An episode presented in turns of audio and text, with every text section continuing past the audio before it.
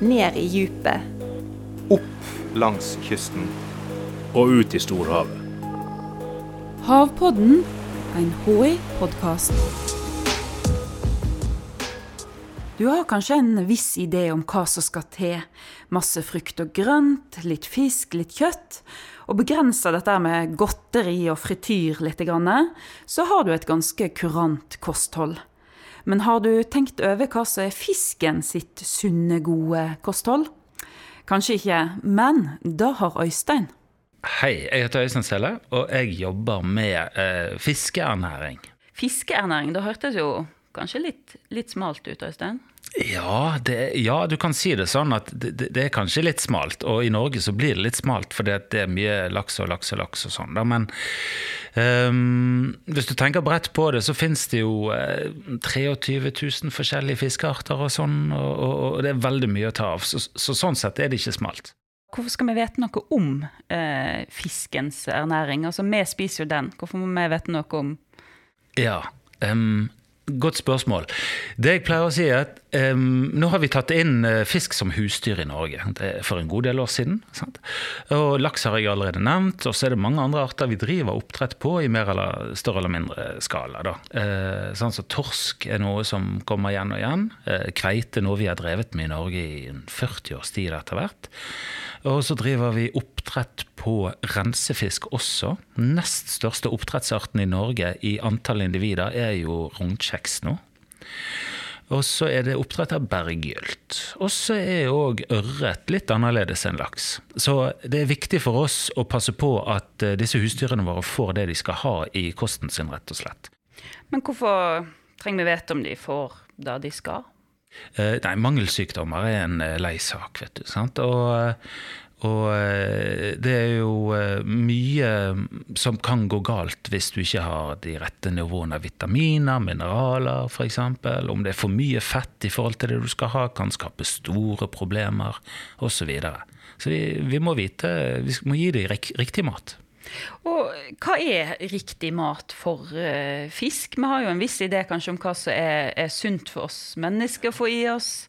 Ja, vi er sånne blandingsdyr. Sant? Vi er det vi kaller for omnivåere. Vi, så vi skal ha litt av alt. Uh, og kanskje ikke så mye kjøtt som vi gjerne ofte liker. Um, fisken vår som vi har i oppdrett, er i store trekk det vi kaller for karnivore, altså kjøttetende. Så de skal jo først og fremst ha proteiner og fett. Um, også de riktige mengdene med vitaminer og mineraler. De skal ha minst mulig karbohydrater, de fleste artene. Fisken skal altså få et fôr som gir han alt det han trenger. Men en veldig spennende meny er det ikke. Den maten vi lager til dem, det er litt sånn som med hunder og katter. Det blir veldig sånn ensformig. da. Så, så, så, om en fisk skulle like variasjon i kosten, så er kanskje det litt uheldig for dem. Ja, for hva er det med altså, hva, hva type mat? Det er kanskje ikke alle som vet det. Hva type mat får en oppdrettslaks i dag? Eh, for de som har hund, i hvert fall, så fôrer de med disse her brune pelletene. Så ser det veldig likt ut eh, til eh, det som fisken får. Så vi lager sånne brune pellet, eh, der det er blandet i forhåpentligvis den riktige blandingen av næringsstoffer. Hva lager en denne pelletsen av? Ja, Disse pelletene blir laget altså I gamle dager, det har sikkert mange kanskje hørt om også, i gamle dager så fisket vi fisk, og så ble dette tatt inn til store anlegg, og så ble det, denne fisken separert da i, i mel, altså proteindelen, og fettdelen ble tatt ut. Og Det har vi jo hatt opp langs kysten i, i mangfoldige tider, disse her sildeoljefabrikkene osv. Ehm, så det ble jo da brukt i fiskefôr til laksen vår i begynnelsen. Ehm, og så eh, har det jo etter hvert gått opp for alle og enhver at vi kanskje ikke skal bare øke og øke volumet på fisk vi kan ta ut fra havet. Og det var utgangspunktet for at vi begynte å se på andre ting å putte i fiskefôr. Ehm, og da har vi gått over til proteinkonsentrater som blir laget av sånne landbaserte produkter, sånn som soya og ja, mest soya, da. Men litt bønner òg, og, og, gluten fra hvetemel kan vi bruke, og sånne ting. Og på fettsiden så er det da oljer da, fra raps spesielt som blir brukt i fiskefôr. Så da har jo oppdrettslaksen blitt litt veggis? den har blitt veldig veggis. Um, og det vi har jobbet mye med der, uh, er jo at i uh, hva skal vi si, grønnsaker, eh, så fins det jo um, antinæringsstoffer. Det finnes, altså Plantene opp gjennom evolusjonen har utviklet stoffer for å beskytte seg sjøl fra å bli spist, og primært av insekter og sånn. Uh, og dette er jo ting som laksen overhodet ikke er vant til. En stakkars laksetarm har jo aldri møtt uh, antinæringsstoffer fra en soyabønne før. sant? Uh, sånn at det der er ting som vi må da på fabrikker skille disse stoffene ut og sånn, og rense opp, sånn at dette egner seg da til fiskemat. Eh, men nå, eh, holdt jeg på å si, i, i, forskningen så har han vel tatt et steg videre òg, fra soya og, og grønnsakene? Altså, Vi er litt sånn trege i pappen, vi mennesker. Så vi oppdaget dette at oi, vi kan ikke bare fortsette å fôre dem med fisk, for dette her er jo ikke såkalt bærekraftig. Og så begynte vi med soya, for det var noen mennesker som mente at ja, men det er jo bærekraftig. Og så mm, har vi nå kanskje skjønt òg at eh, kanskje ikke det er så bærekraftig det heller. Så det som er det vi jobber veldig mye med nå, er at vi bruker såkalte sidestrømsprodukter. Altså det som tidligere var Boss det klarer vi nå å putte inn igjen i eh, fôrproduksjonen. Eh, til fisk også, men også til kjæledyr og sånn. Eh, sånn at det kommer bli tatt vare på. da. Um, og det kan være alt fra um, matboss fra, fra husholdninger og, og hotellindustri, restaurantindustri og sånn, som så kan fôres uh, til um, insektlarver. kan vi bruke. Eh, vi kan rense opp proteiner fra mesken etter, etter ølproduksjon. Altså det finnes masse, masse sånne ting som vi ser på nå, som vi kan putte inn igjen i produksjonen av fisk. For å være sikker på at fisken får tatt opp alle næringsstoff den trenger fra maten sin, må forskerne forstå hvordan fordøyelsen til ulike fiskearter fungerer. Og Da er vi veldig vant med laks i Norge, har vi allerede nevnt. Og laksen den har en mage, sånn som vi har. Med, der pH-en er litt lav. Går ned til fire, kanskje ikke helt to sånn som oss, men det er surt. Og så går det videre da i noe som heter sånn masse blindsekker, som er veldig bra for å ta opp masse næringsstoffer, og så en lang tarm for å ta opp næringsstoffene etterpå. Eh, og dette ligner i prinsippet veldig mye på vårt fordøyelsessystem. Men så er det sånn i evolusjonen at det å ha en mage, det er veldig kostbart. Det, vi bruker masse energi på denne magen. Så det, vi, vi, bruker mye energi for å best mulig ta opp masse næringsstoffer. Eh, og så er det noen fisk da, som spiser på en sånn måte at denne kostnaden med å ha mage, den, den, det er ikke verdt det. Så den har kvittet seg med magen evolusjonært. Og det er det veldig mange fiskegrupper som egentlig har gjort. Sånn som karpefisker f.eks. osv. Og berggylte, berghylten som vi bruker som rensefisk og driver oppdrett på nå, eh, den har også kvittet seg med magen. Så Det vi vet fra karpefisker for tidligere, er jo at de som kvitter seg med magen, de har ofte en veldig lang og komplisert tarm for å liksom fikse jobben i etterkant. Eh, forskjellige strategier der. Men det som er så finurlig med berggylten, er at den i tillegg til å kvitte seg med magen, så har den en veldig kort tarm.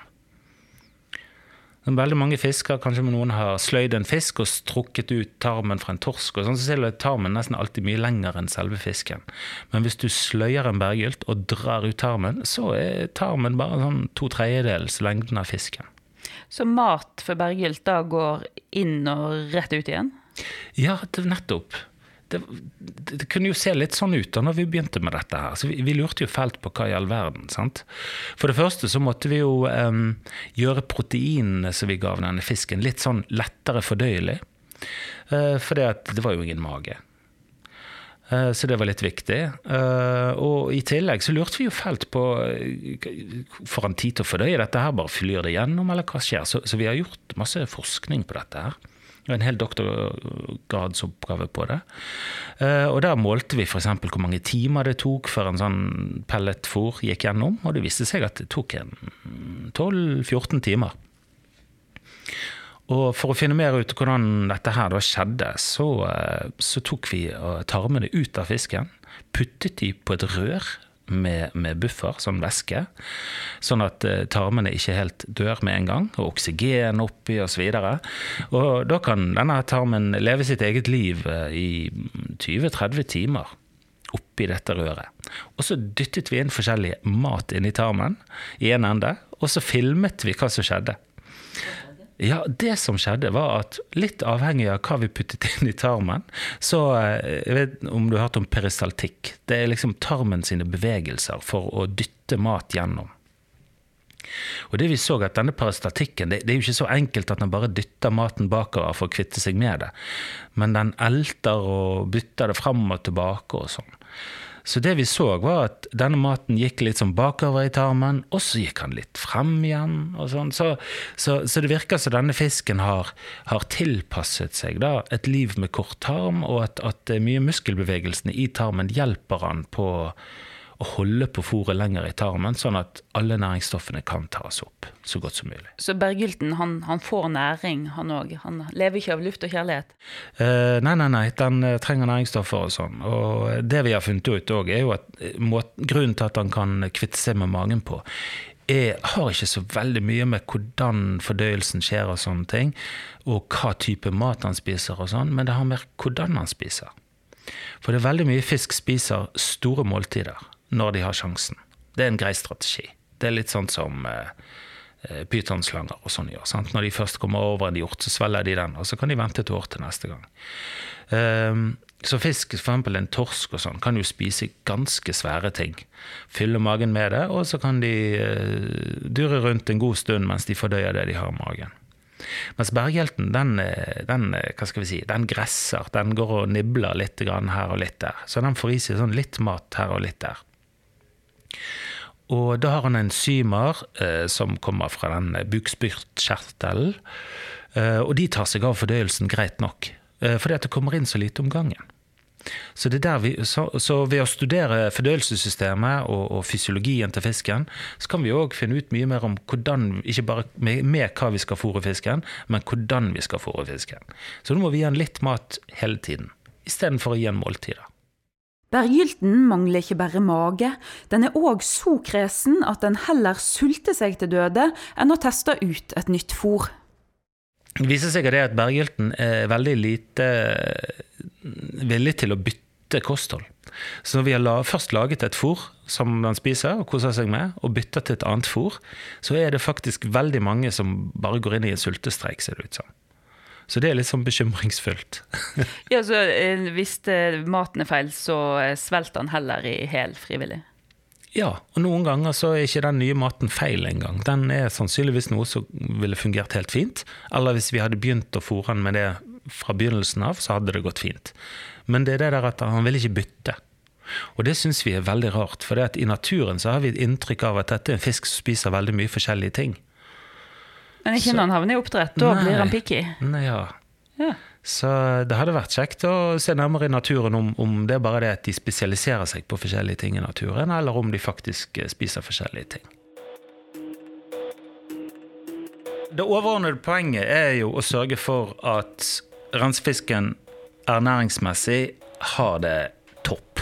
Det er det, um, det, er det jeg forsker på dette for. Og jeg uh, syns òg at kunnskap for kunnskapens del, det må jeg innrømme, det syns jeg er viktig.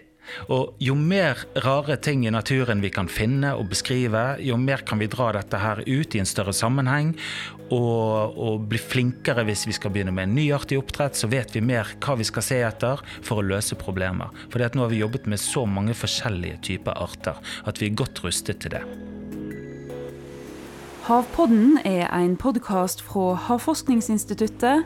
Jeg heter Stine Hommedal og jobber her. Teknisk produksjon og lyddesign var det Febril Film som sto for. Og du, du hører snart igjen.